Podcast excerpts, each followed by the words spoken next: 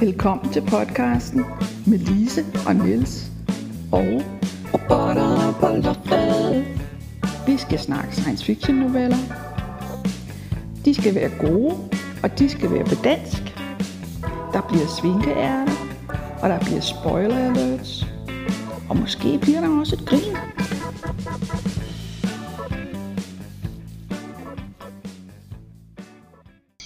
Jamen, velkommen til.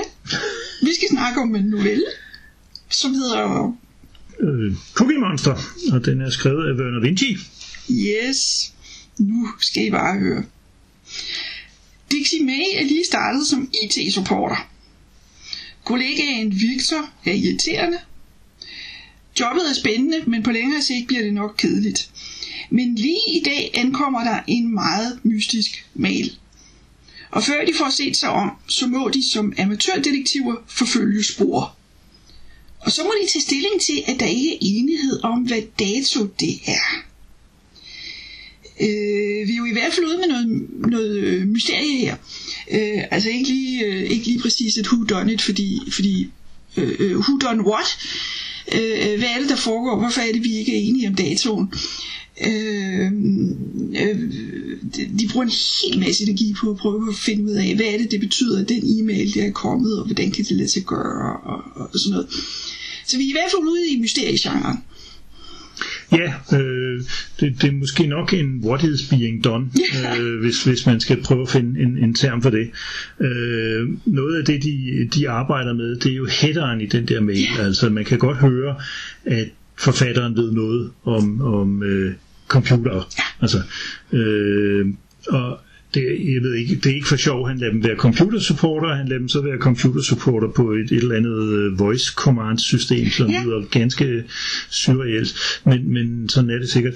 Men, men øh, han er jo selv øh, matematiker og datalog, Vinci. Woohoo! Yes, øh, og han er, han er fra 44, men, men arbejdede frem til 2000 som underviser på San Diego State University, og han er blandt andet kendt øh, i, i bredere kredse for at have promoveret øh, begrebet om en teknologisk singularitet, øh, som han skrev om i et meget seriøst, og jeg har læst det tørt papir øh, for en eller anden international organisation, som vist nok var noget FN-relateret, det, kan, det har jeg glemt.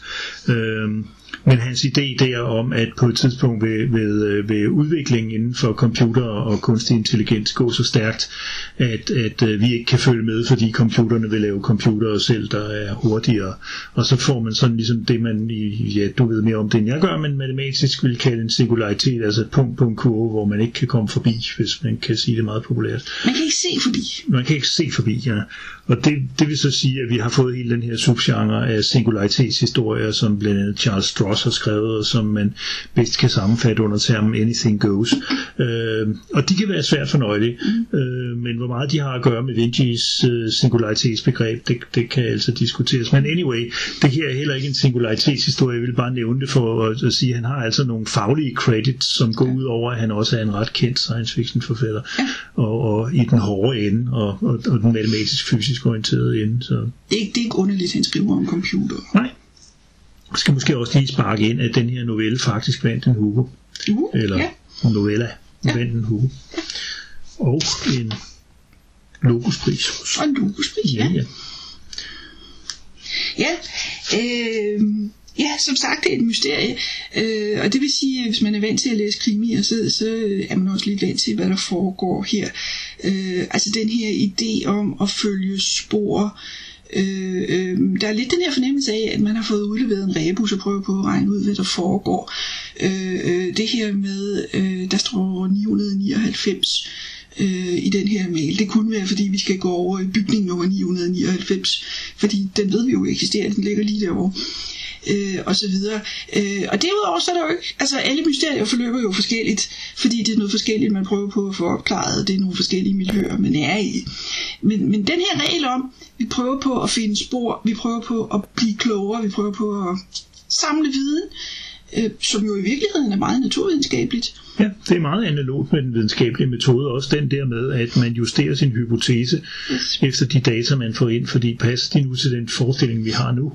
Øh, ellers så må vi justere vores forestilling, så den passer med de nye data, eller i hvert fald kan forklare, hvorfor de nye data ikke passer med den, yes. den tidligere øh, Yes. version. Ikke? Ja.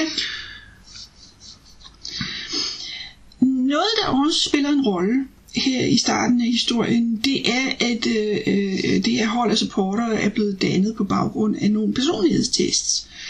Øh, og jeg mener også, at i starten af historien, der bliver snakket om, øh, Victor han går i hvert fald meget op i, at øh, øh, det er en underlig måde, de har brugt de her personlighedstest på. Fordi, jeg havde nær sagt, hvis man leder efter en supporter, øh, udover at man, man øh, leder efter et disciplineret, intelligent menneske, så, så vil man godt finde en, der ikke har noget imod at kede sig. Fordi det er de samme dumme spørgsmål, man, spørgsmål, man får stillet hver dag. Øh, Ja, og de her, de er jo faktisk øh, øh, overbygningsstuderende eller videregående Ja. studerende på universitetet, så det er lidt uden for deres.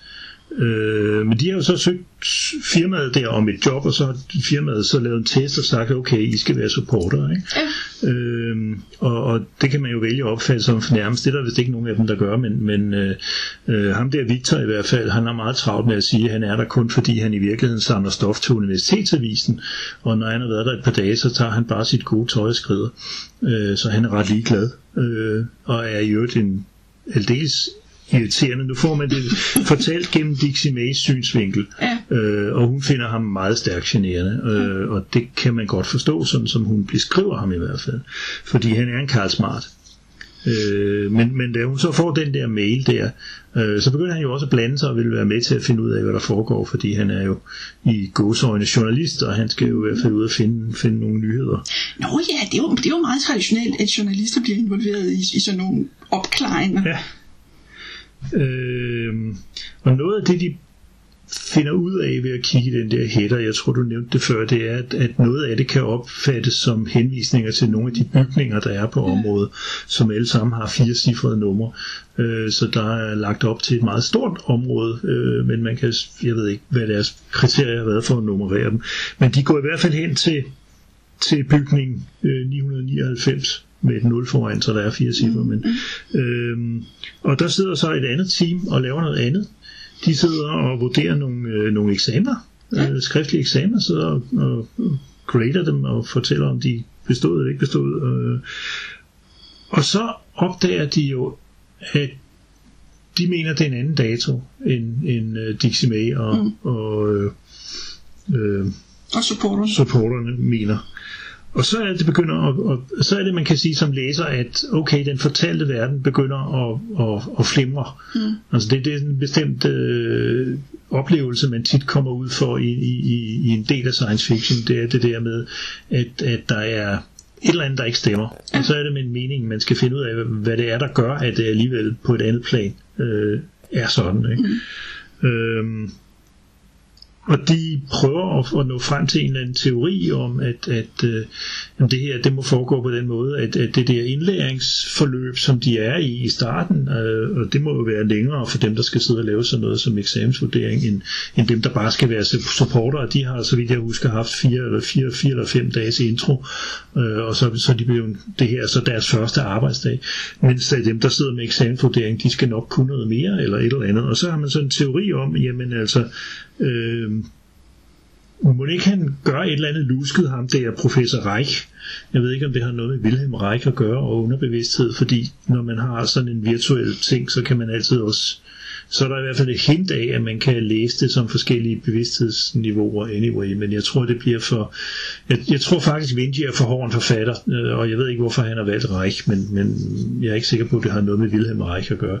Øh, men anyway, teorien er, at han så har bedøvet dem, mm. og underkastet dem en eller anden form for hypnotisk øh, prægning eller indlæring, øh, for at spare tid eller penge, eller begge dele. Øh, men de kan ikke rigtig... Problemet med det er, hvordan verificerer man sådan noget. Ikke? Altså det er det der problem, du har med de der historier, hvor du befinder dig inde i en virkelighed, som ikke er, som du tror, den er. Hvordan finder du så ud af, hvordan den rent faktisk mm. er? Ikke? Ja. Øh, og det næste, vi når til, er så, at, at de graver videre i den der header på den der mail. Øh, fordi som, som god data-menneske, så har de jo printet den ud med headeren. Øh, Yes. og så peger den så på en anden bygning, en der hedder 925. Yes. Øh, og der ved jeg så ikke... Ja, Øh, og nu er vi så lige nødt til at stoppe, fordi vi, vi er faktisk ikke kommet ret langt i historien, men vi er allerede øh, hen omkring en stor spoiler om, hvad det egentlig er, der foregår her. Øh, så vi er nødt til lige at holde en lille pause. Så er vi nået til den del, der slet ikke har noget med dagens novelle at gøre, nemlig Svinkeærnet.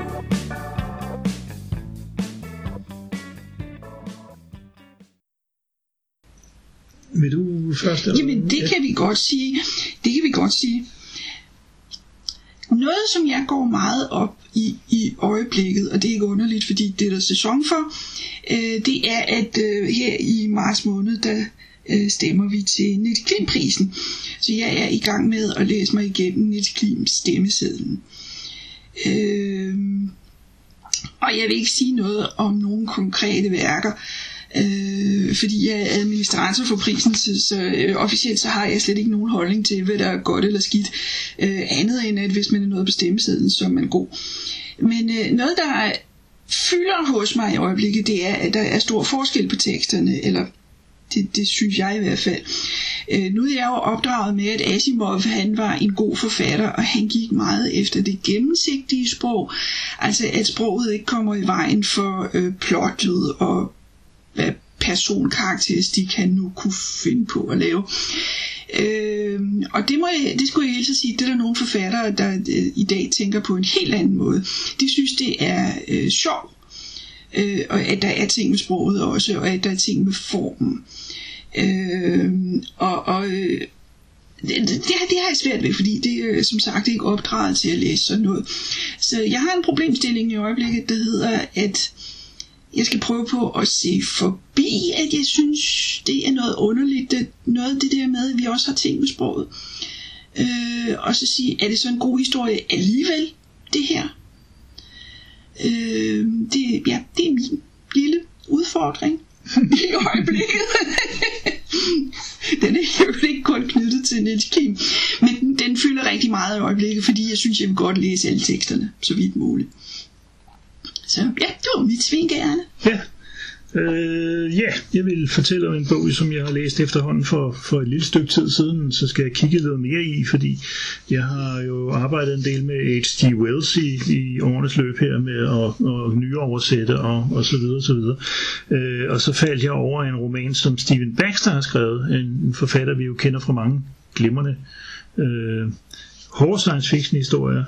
Øh, og han har så skrevet en roman, øh, Øh, som hedder The Massacre of Mankind, og den udkom i 2017 øh, og godkendt af The H.G. Wells Estate.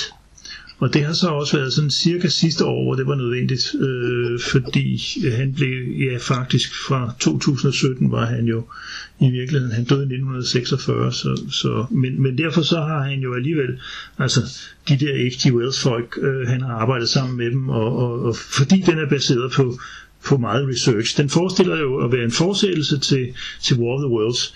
Dem man har skrevet nogle stykker af, mm. øh, som, som øh, Jon Juel Jensen fortalte på en fantastikon, som også øh, med noget, der blev til en artikel i Proxima, så var den første jo faktisk fra, fra 1908, eller noget den stil, som var en novelle.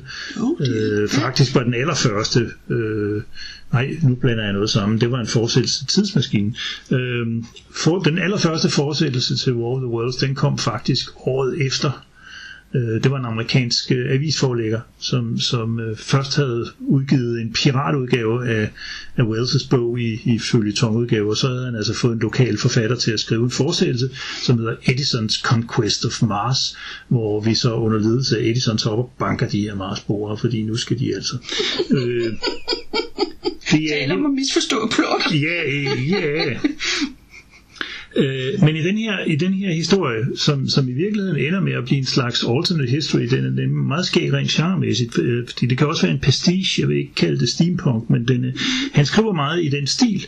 Den forestiller at være skrevet af eks-svigerinden til den indskudte forfatter i War of the Worlds, altså fortælleren i War of the Worlds, der hedder Walter Jenkins.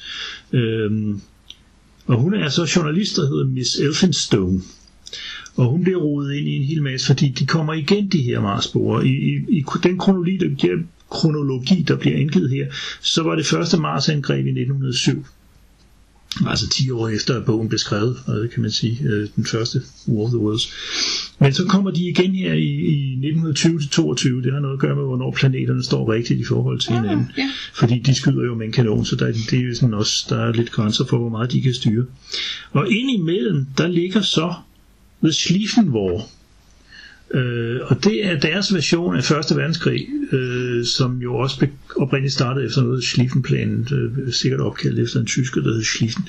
Øh, og her er det altså bare gået sådan, at Tyskland har, har taget det meste af Europa, og stadigvæk ligger og slås med Rusland et eller andet sted. Øh, og de har også taget England. Men det ender med at blive øh, en fordel i den forstand, at England og Tyskland så arbejder sammen, da de bliver enige om, at nu skal der altså gøres noget ved de her, de her Marsboere. Øh, og det bliver jo en meget indviklet historie, fordi det viser sig, at både Venus og Jupiter også bliver involveret. Øh, og, og det er en ros til Baxter, at det er en forholdsvis lang bog, men den bliver ikke nær så pjattet, som den kunne blive. Mm. Og den bliver heller ikke nær så kedelig, som den kunne blive. Selvfølgelig er det en fordel, at man kender tiden, og det er en fordel, at man kender Wells' bog. Øh, men, men det er ikke sådan... Altså, der er også nogle kendte navne, der dukker op hist og pist, men det er jo ikke... Øh, det er jo ikke den der øh, parade af, øh, kendte navne, som tilfældigvis møder hinanden i en butik, fordi så kan vi få dem præsenteret alle sammen på en gang. Altså han er en meget bedre forfatter end som sådan, øh, Baxter der. Øh, der bliver også refereret senere til, til et luftskib i 1937, og Queen Wallis, som jo var Wallis Simpson, som, som jo, altså i den her verden, der er den nazistiske konge ikke blevet tvunget til at abdicere, men fordi han giftede sig. Oh, øh, altså ja, der er sådan en hel masse ja. twists, hist og pist, ikke? Mm. Øh, og hun er altså også en meget stærk heldinde hende der. Så, så øh, det eneste, jeg kan lige vil sige, fordi jeg vil ikke gå i detaljer med den, det, det, det jeg vil bare anbefale den, til- særligt selvfølgelig til folk, der kender Wells. Mm. Øh, og, og også fordi den er en eftertænksom kommentar. Den er, den er selvfølgelig fest og ballade, men den er også lavet af en, som kender Wells forfatterskab rigtig grundigt. Øh, Baxter har skrevet om ham og, og arbejdet med øh, tidsskriftet The Welshian osv. osv. Øh, det er, at han omtaler kun Wells selv. Han bliver ikke omtalt med navn. Han bliver omtalt som øh, forfatteren til øh, nej, det, bliver omtalt som The Year Million Man. Det er fordi Wells faktisk skrev et essay, der hed The Man of the Year Million. Øh, og en af personerne siger, at han var en odd, bouncy sort of fellow with a squeaky voice, but full of ideas. Og det er sådan øh, det Wells portræt, der er, men altså uden navnsnævnelse. Det er interessant at overveje, hvad er det her? Ikke? Fordi stilmæssigt er det en pastiche. Han lægger så meget op af, hvordan en bog ville have set ud, hvis den var skrevet 1910 eller sådan noget på, på engelsk, og han gør det glimrende, så vidt jeg kan vurdere. Øh, og samtidig så er det jo også øh, uh, alternate history, fordi han forestiller sig, at det er foregået det der, ikke? Uh, ligesom, ligesom Wells jo forestiller sig, at det foregik i, i, i War of the Worlds, men, men nu gør han det så mange år efter. Uh, så det i virkeligheden også er en historisk fremstilling af den her kvindelige journalist, som bagefter skriver, hvordan det foregik, og hvem der døde hvordan, og, og alle de her ting og sager. Og som sagt, jeg vil ikke gå i detaljer, fordi det bliver meget indviklet. Uh, der sker en frygtelig masse ting uh, med, med forskellige våbentyper. Uh, blandt andet dukker der nogle landships op, som jo meget Ja, minder yes. om The Land Ironclads, som Wells skrev om, øh, altså tanks, øh, og der dukker en videnskabsmand navn Schwarzschild op, og, og sådan noget. Øh, men jeg kan kun anbefale den særligt, som sagt, hvis man ved en lille smule om, om perioden og eller den science fiction. Øh, så det Cool. må være nok med det. Ja. Øh, ja. Så skal jeg huske at sige øh, øh, to ting, øh, lige før vi mister lyttere her. Øh, den ene, det er, at øh, den her historie, den hedder jo Cookie Monster. Øh, og det er et navn, som er en bekendt, hvis man har set Sesame Street, eller som mig, Sesamstraße, som det hed på tyske kanaler. Øh, der er ikke så meget andet i det, fordi det har ikke rigtig noget med historien at gøre. Øh, Øh, andet end det er sjovt navn. Det andet, jeg skal huske at sige, det er, at næste gang, så har vi historien efterbilleder, som er skrevet af Malcolm Edwards. Hvis du lige husker, at Å skal skrives som dobbelt A, så kan du tweete til os på robotter på loftet. Skriv til os på robotterpåloftet at gmail.com Og se hjemmesiden robotterpåloftet.sciencefiction.dk og så er der spoiler alert.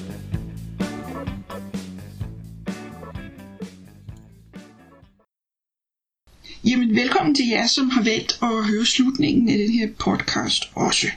Nu skal I bare høre. Dixie May og Victor samler en ellen op på vejen. Det har vi allerede hørt. Det var i 925, nej, øh, 999. Ja. De samlede hende op, ja. Så samler de endnu en ellen op. Og mistanken om, at de alle er uploadede personer, den bliver bare større og større.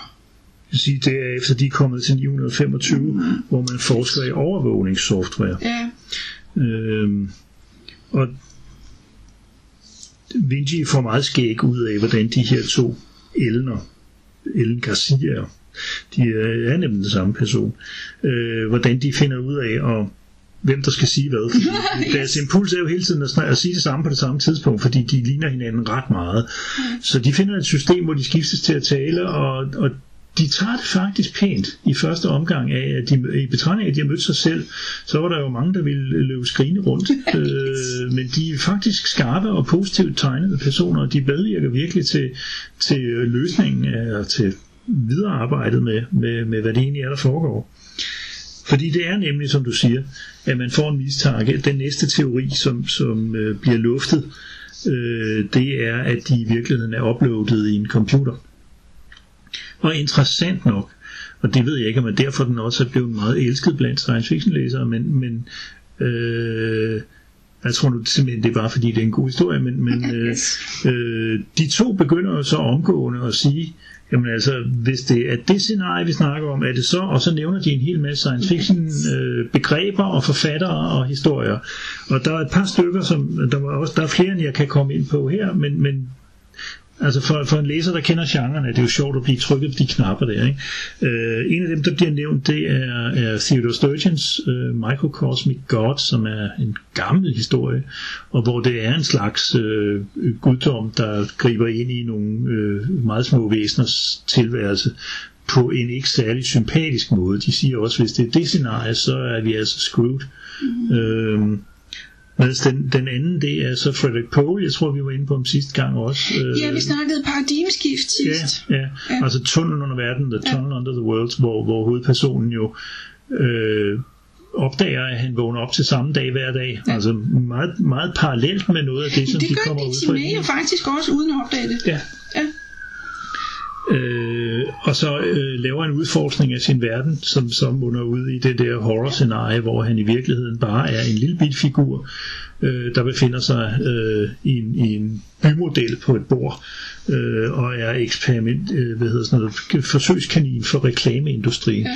Ja. Øhm, og så den tredje, det var, det var John Varleys Overdrawn at the Memory Bank, hvor, hvor ideen er, at man kan, man kan få taget backup af sin identitet, og så kan man øh, midlertidigt flytte den over i en anden krop og opleve nogle andre ting. Og så er der nogen, der har været ude og opleve noget i en safari sammenhæng. Ja, han, han er, hvad er det nu, øh, baboon, det er en slags æbe. det, er en, det er en bavian. En bavian, ja. Ja. Man, man kan løbe rundt og være bavian i et stykke tid, og så blive puttet tilbage i sin egen krop.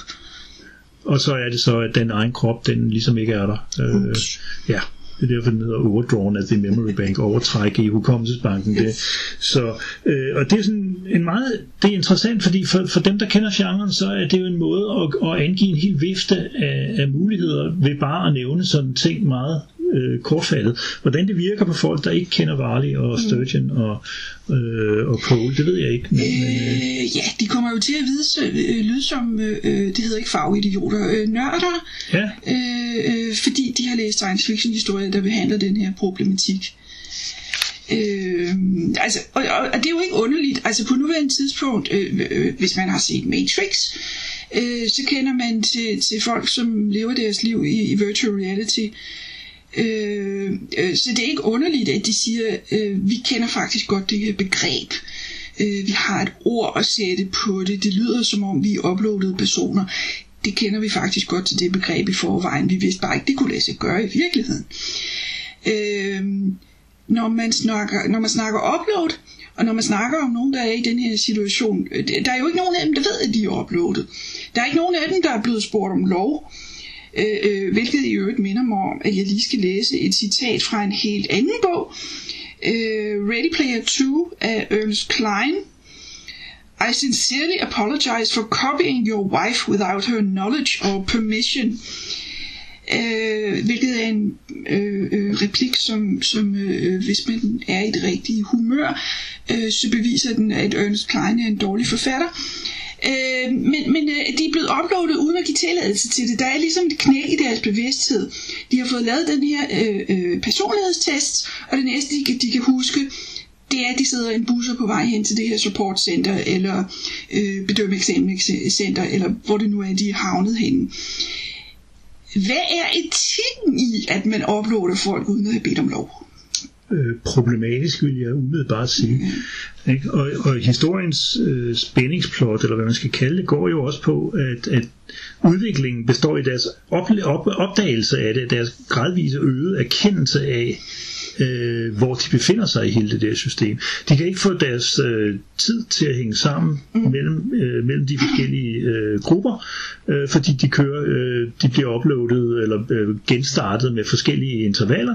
Der er nogen, der sidder en dag ad gangen, og nogen, der sidder en måned ad gangen, og så er der dem, der skal prøve at finde ud af at få hele lortet til faktisk at fungere. De sidder der øh, sådan principielt et år, øh, og det er dem, de finder til sidst stort set. Øh, og, og hvor de også finder ud af, øh, hvor vi også sådan får forklaring på, hvorfor den hedder Cookie Monster. Ikke? Men, men de, finder, de kan ikke finde ud af, de kan finde ud af, at der ikke er en overensstemmelse mellem deres øh, separate tidslinjer. Mm. Og de kan også slutte sig til, at der slet ingen nødvendig overensstemmelse er mellem der er nogle af deres tidslinjer, og så hvad der foregår uden for den simulering, som de er fanget i. Øh, men derudover kan man som læser faktisk ikke slutte sig til, hvornår, hvad foregår, hvad foregår der egentlig her? Ikke? De snakker om 2011 og 2012, ja. øh, men det tidspunkt, hvor vi, altså ide, en af idéerne, øh, som, som øh, øh, ham der Reich, han, han gør, det er jo, at han kan køre de her øh, simuleringer, det kører jo hurtigere, end, end, end ting gør i virkeligheden. Så sådan noget med at sidde og rette opgaver, det kan han få gjort meget hurtigere, og dermed meget billigere, end, end hvis han skulle have folk til at sidde og gøre det ude i real life. Og det er det, der er ideen med det. Men det betyder også yderligere, at man er ikke klar over, hvor hurtigt går en computercyklus, hvor, yes. hvor, hvor, hvor er vi henne i forhold til Yes. og mere vigtigt, kan vi komme ud igen? Nej. Det er så det helt store spørgsmål, ja. ja. Ja, og der lyder det lidt som om, at øh, de samler den her øh, monster cookie, som på nuværende tidspunkt er en million megabytes. Øh, og der har Vinci til synligheden tænkt, der er ikke nogen, der, der kender ordet terabyte. Øh, hvad er det, 20 år siden? Den, den, Det var fra 2003, så, ja. så det... Øh, øh, og det er måske også rimelig nok. Øh, det gør vi i dag. Vi ville have sagt en, vi ville have sagt en terabyte. Ja. Altså, vi, havde, vi ville sikkert have sagt mere, faktisk, fordi så ville der også have været videooptagelser i. Øh, den her monster cookie, den opsamler information. Og, og information, det er det første skridt i retning af at finde ud af, kan vi gøre noget ved det her. Øh, og, og det er jo lidt, øh, de snakker ikke så meget om det, men der er jo to muligheder. Den ene, den er, at de kan blive puttet tilbage i deres kroppe. Det lyder faktisk ikke realistisk. Der er ikke nogen, der der er ikke nogen, der, der på en solid måde kan sige, vi ved, at det kan lade sig gøre at blive puttet tilbage i sin krop. Plus, at der er jo allerede en krop. Originalen er allerede i kroppen. Øh, den anden mulighed, det er, kan vi godt få slukket for den her computer? Øh, men hvis de skal have gjort noget af det, så skal de starte med at samle en masse information. Ja, og de har jo det store problem, at der bliver slukket for dem, Ja. øh, eller de bliver genstartet med, Ja. med forskellige mellemrum. Og overhovedet for at få formidlet viden fra den ene cyklus til den næste, Yes. man får at vide på et tidspunkt, at, at øh, den kørsel, de er i gang med, det er kørsel nummer 1237.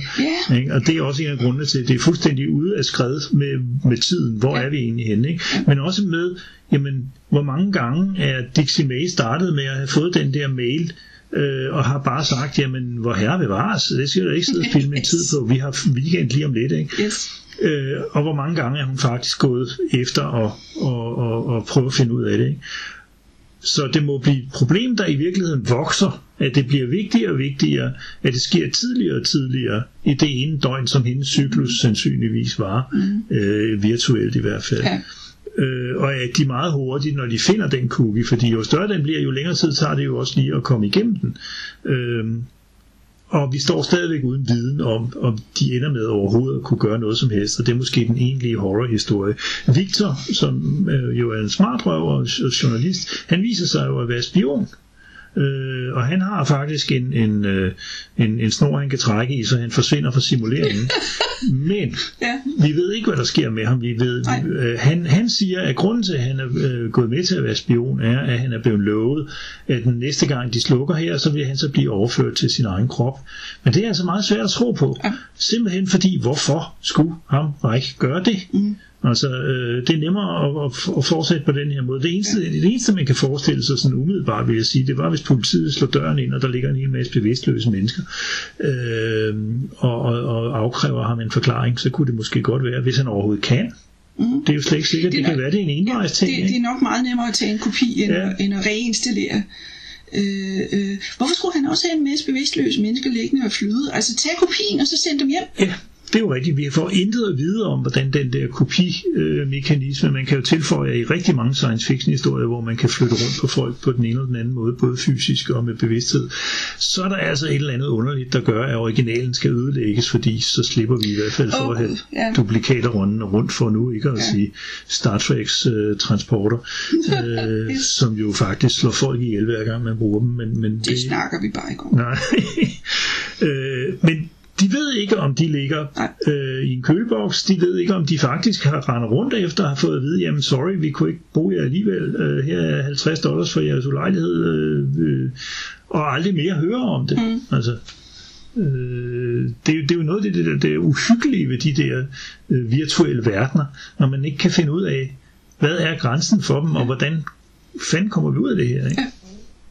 Og det synes jeg, jeg synes, den er meget velskrevet, fordi det er en forholdsvis lang historie, og man kan koge det ned til, at der sker forholdsvis lidt, men det er meget, det han er, er rigtig god til, det er at time det sådan, så at, at de der forskellige niveauer i, i øh, teorier og hypoteser og, og flytning af erkendelsen og sådan noget, det kommer meget godt tegnet. Altså. Igen, det, det er et godt mysterie Ja, på den ja, måde. ja, lige at- præcis. At, de her forskellige hypoteser, som Ja. ja. bliver testet hen ad vejen, øh, og, og forkastet nogle af dem. Ja.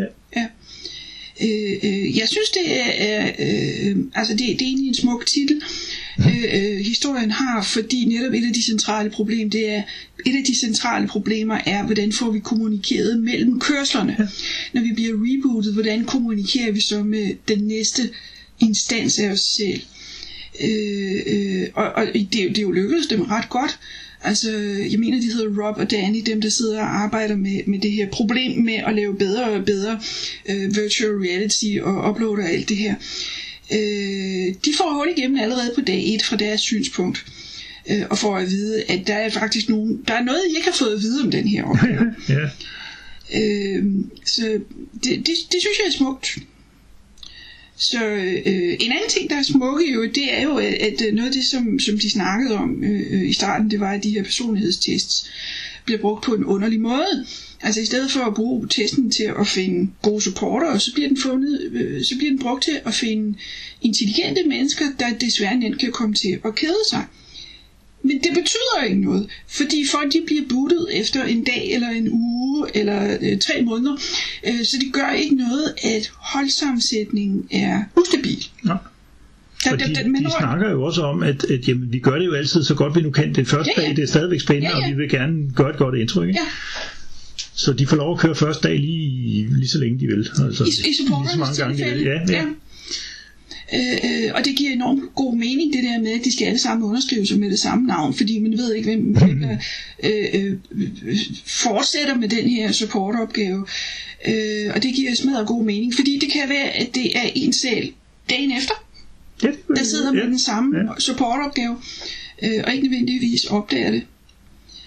Så øh, ja, nej, som sagt, jeg synes, det, det er, det er øh, smukt tænkt, at det er øh, øh, kommunikationsdelen, hvordan kommunikerer vi mellem kørsler, øh, der har givet titel Ja. til historien. Det er jo lidt interessant, fordi noget af problemet i Surface Tension er jo også, hvordan de får givet Ja, viden videre til den næste generation af de her, der har ligget som sporer imellem øh, sæsonerne og mellem årstiderne. Så. Ja, ja. Jamen, øh, vi når jo frem til den konklusion, som vi havde fra starten. Det vil sige, at det er en god historie. ja. Så øh, ja, yeah.